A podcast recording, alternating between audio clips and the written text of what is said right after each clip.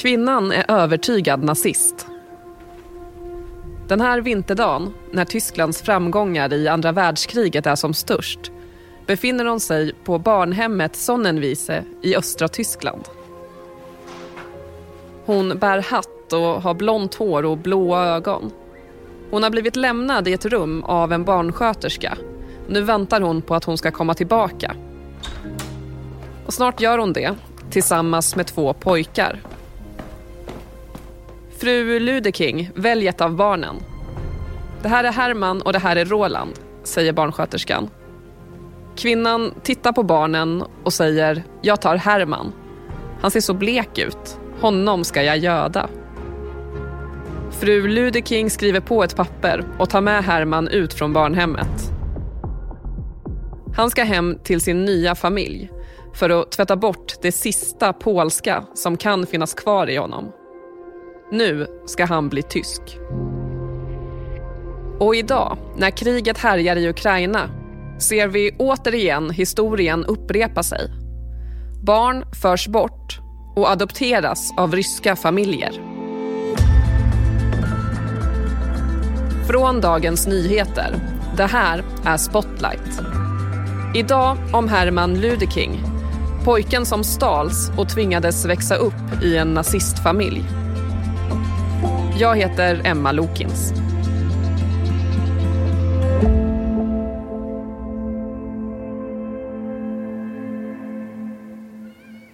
Herman Ludeking är sex år gammal och har tillbringat de senaste åren på olika barnhem. Nu är han en av de första att anlända till just det här barnhemmet i östra Tyskland 1942. Här har han det bra. Det enda problemet kan vara maten. Det finns knappt smör eller mjölk. Han vet det inte själv, men det är hans blonda hår och blå ögon som fört honom hit till det så kallade Lebensbornhemmet utanför Leipzig. Det är de ljusa nordiska dragen som avgör hela hans framtid. Det här är ett barnhem där barnen ska germaniseras, alltså stöpas om till att bli tyska. Och Herman, som egentligen kommer från Polen, blir adopterad av ett tyskt par. Det är fostermamman Maria som kommer och hämtar honom på barnhemmet. Lovisa Herold, du är Tysklands korrespondent här på DN. Var tar Herman vägen? Familjen flyttar in i ett hus i staden Lemgo i nordvästra Tyskland och där börjar Herman skolan. Han får också heta Ludeking i efternamn nu. Hans eh, fostermamma Maria är lärare och hennes man som också heter Herman är officer i Nazitysklands armé. Det här paret har haft en son tidigare men han har dött vid fronten i kriget och därför har de velat ta hand om ett annat barn. De är båda nazister och står bakom Hitler. Men egentligen lever de ett ganska vanligt familjeliv samtidigt som kriget härjar ute i världen. Herman tycker om sina nya fosterföräldrar.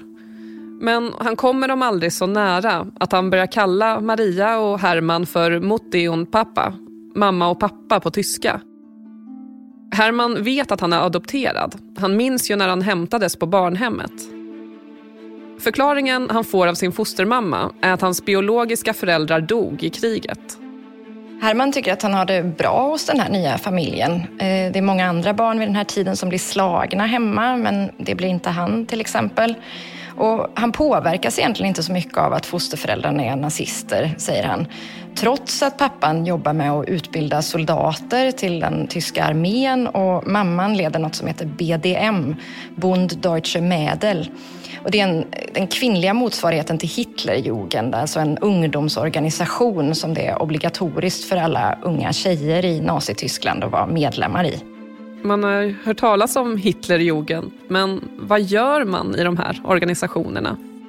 Ja, dels ska man lära sig att vara en ordningsam och duktig nazist, men man får också hålla på mycket med sånt som många unga tycker är kul, som sport och olika lekar.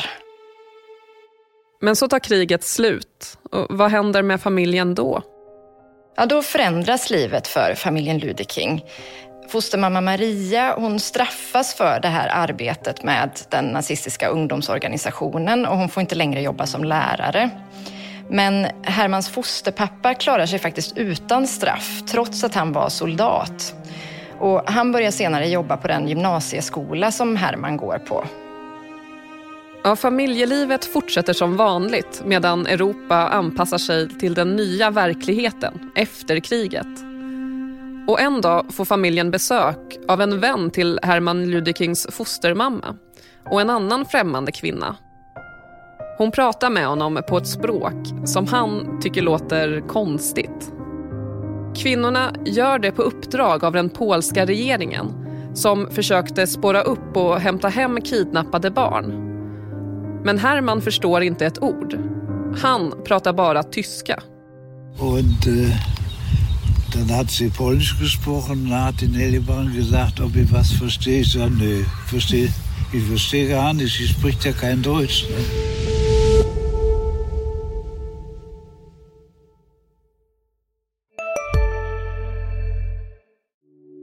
Hej, Ulf Kristersson här. På många sätt är det en mörk tid vi lever i. Men nu tar vi ett stort steg för att göra Sverige till en tryggare och säkrare plats. Sverige är nu medlem i Nato. En för alla, alla för en. Vi är specialister på det vi gör, precis som du. Därför försäkrar vi på Swedea bara småföretag, som ditt. För oss är små företag alltid större än stora och vår företagsförsäkring anpassar sig helt efter firmans förutsättningar.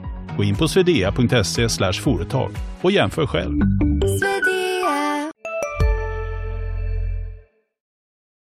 Under andra världskriget kidnappas hundratusentals blonda och blåögda barn i områden som tyskarna har ockuperat. Och de placeras då bland annat på barnhem och i tyska familjer. Det börjar i Polen men senare sker det även i Tjeckien, Slovenien och Ukraina bland annat. Och arkitekten bakom projektet är SS-ledaren Heinrich Himmler. Hjärnan bakom koncentrationslägren och förintelsen. Ich meine die Judenevakuierung, die Ausrottung des jüdischen Volkes. Es gehört zu den Dingen, die man leicht ausspricht. Himmler startar Lebensborn-projektet redan 1935. Han vill att barn som anses ha rätt gener ska föra den tyska kulturen vidare. Vårt folk står och faller med det nordiska blodet, säger han. Det är barn som nazisterna anser har ariska drag som placeras på de här barnhemmen. Och här måste de lära sig tyska och de förbjuds att prata sitt modersmål. De får nya namn och identiteter och förbereds på att adopteras bort till tyska familjer. Lovisa, hur går det till när barnen förs bort? Vissa av dem är redan föräldralösa när de kidnappas och de tas alltså från barnhem i de ockuperade länderna. Andra förs bort från föräldrarna mot deras vilja. Och hur behandlas barnen? Det finns uppgifter om att de blir bestraffade på olika sätt när de talar sitt modersmål eller inte lyder reglerna på barnhemmen. Men Herman Ludeking minns mest att de gick många promenader och, och så det här då med att han inte fick tillräckligt med mat. Men annars tycker han att han har det ganska bra på barnhemmet. Men det som hände Herman och så många andra barn under andra världskriget, det sker även nu i ett annat krig. As the war in Ukraine grinds on, the government in Kiev is accusing Russia of a truly heinous crime kidnapping thousands of children and taking them into Russian controlled territory. Ukraine says Russia is trying to force the children to become Russian. Idag, i krigets Ukraina, tvångsdeporteras barn till Ryssland och placeras i fosterfamiljer. Precis som i Nazityskland. På videobilder kan man se hur myndighetspersoner delar ut ryska medborgarskap till både små och stora barn. Många som fortfarande har familjer vid liv i Ukraina. Enligt journalistnätverket EBU så är det minst 400 barn som förts bort. Men enligt Ukrainas motsvarighet till Barnombudsmannen så handlar det i själva verket om nästan 20 000 barn. Och att göra så här räknas som krigsbrott. De här kidnappningarna har fått den internationella brottmålsdomstolen i Haag att utfärda en arresteringsorder mot Rysslands president Vladimir Putin. Och varför gör man det här? Moskva nekar till att man har kidnappat barn och säger att det egentligen handlar om föräldralösa och övergivna barn som tagits hand om i Ryssland för sitt eget bästa. Men Ukraina pratar alltså om krigsbrott och Ryssland ser det som att man har gjort en god gärning. Och internationellt tolkas de här deportationerna som ett sätt att försöka vända barnen mot Ukraina. Och I Ryssland utnyttjas deportationerna i propagandasyfte. Statlig tv har sänt bilder på ukrainska barn som får nallar när de kommer till Ryssland. Och de beskrivs som övergivna barn som räddats från kriget. Många av de ukrainska barnen som förs bort vet inte att de gjort det mot internationell rätt. Och samma sak var det för Herman Ludeking när han fördes bort på 40-talet. Han levde hela sin uppväxt utan att veta att han kidnappats som barn.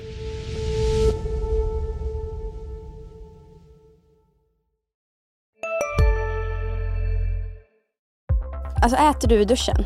Nej, det gör jag verkligen inte. Men alla gör ju det nu. Duschsnacks, Frans. Vilka är alla? Ja, men alla på TikTok och bloggar och allt möjligt. Så det är, de har en tallrik i duschen och så är det lite så här oliver och ostbågar typ. Nej men gud, tapas.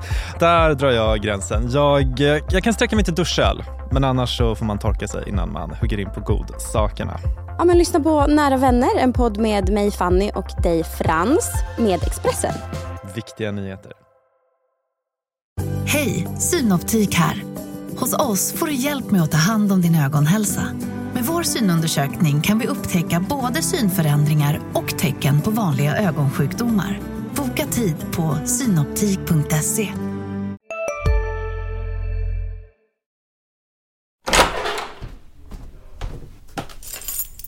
Herman har länge misstänkt att sanningen om hans ursprung ligger inlåst i ett skåp på fosterpappans kontor. Det är 80-tal, Herman är över 40 år. Fosterpappan har gått bort nu. Och nu vill Herman få svar. Och han måste hinna dit innan fostermamman Maria tömmer skåpet och hinner gömma undan pappren. Så han öppnar skåpet och på ett av dokumenten läser han ett namn skrivet med skrivstil.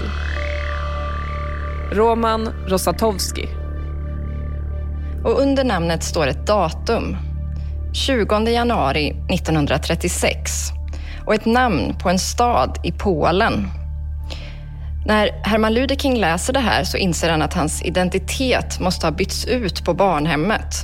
Och han får förstås tusen nya frågor om var han kommer ifrån. Så vad gör han nu? Ja, självklart så frågar han sin fostermamma om det här, men hon vill inte berätta någonting för honom. Hon stöttade ju naziregimen och är väldigt rädd att han ska upptäcka något som gör att hon kan straffas för det. Så mamman hotar att bryta kontakten med Herman om han fortsätter att efterforska. Och det är så det blir. Herman Ludeking har nu förstått var han kommer ifrån. Att han blev kidnappad av nazister när han var ett litet barn. Han träffar aldrig sin fostermamma igen och går inte på hennes begravning. Men senare börjar han sköta om hennes grav. Han säger att han inte är arg på henne. Ich kann das verstehen, sie hatte Angst, sie war Nazi und hatte Angst, noch was rauskommt. Ich bin keinem böse.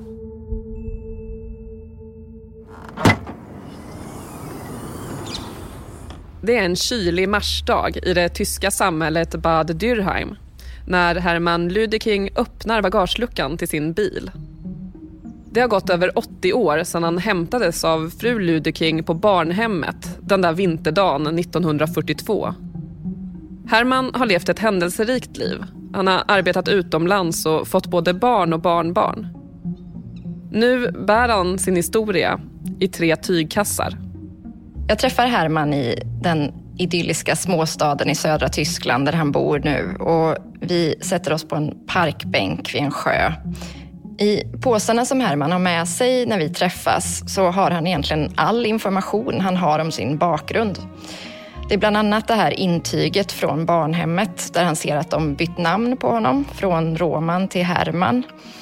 Det är ett brev från Röda Korset som visar att de spårat upp honom efter kriget och vill hämta hem honom till Polen. Och det är hans fostermammas svar där hon skriver att han måste få stanna hos familjen i Tyskland. Men i papperna finns det inget svar på vad som har hänt med hans biologiska föräldrar. Så han får nöja sig med det som hans fostermamma sagt, att de blev skjutna under kriget.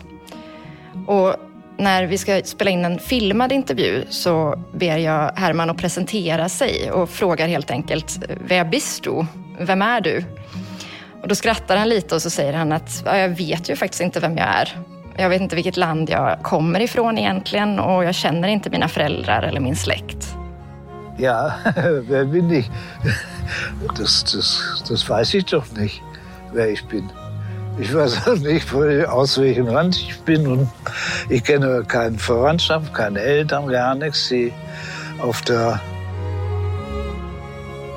Lovisa, Hermans liv blev ju något helt annat än vad det hade kunnat ha blivit när han blev bortförd. Och det här riskerar också att hända de ukrainska barnen som tagits till Ryssland och kanske kommer bli kvar där. Vad känner Herman kring det, att historien upprepar sig? Vi pratade om det och det märks att han blir väldigt berörd av att läsa om det här och, och tänka på det. Och när jag frågade honom om vad han, vad han tänker om det så sa han helt enkelt rakt ut att eh, Putin är ett svin. Och hur känner Herman nu? För att han hade kunnat haft ett helt annat liv. Han säger att han har accepterat att han inte kommer få några fler svar och tycker inte att det är någon idé att tänka på hur hans liv hade blivit om han hade blivit kvar i Polen. Nu känner han att han är tysk. Han har blivit bortrövad och det är ingenting han kan ändra på. Was soll das? Ich, ich bin halt Deutscher. Fertig aus. Ich kann es nicht mehr ändern. Ich bin geraubt worden. Gut. Äh, Urkunde steht da sind beide tot. Dann ist die Sache, sie hat ja gesagt, die sind im Krieg erschossen worden, meine Pflegemutter, und da war alles erledigt. Ich habe auch nicht mehr nachgefragt. Für was denn? Ich kriege ja eh keine Antwort. Du har lyssnat på Spotlight med mig, Emma Lokins. Gäst i dagens avsnitt var Lovisa Herold, DNs Tysklandskorrespondent. Producent var Sabina Marmulakai. Exekutiv producent David Mer. Slutmixen gjordes av Gustav Sondén och ljudtekniker var Patrik Miesenberger. Vinjetten är komponerad av Patricio Samuelsson. Om du gillar Spotlight så prenumerera gärna på podden. Vi släpper nya mikrodokumentärer ur nyhetsflödet två gånger i veckan. Ljudklippen i dagens avsnitt kom förutom från Dagens Nyheter från CBS och Nationalarkivet i College Park, Maryland. Ansvarig utgivare för Dagens Nyheter är Peter Wolodarski.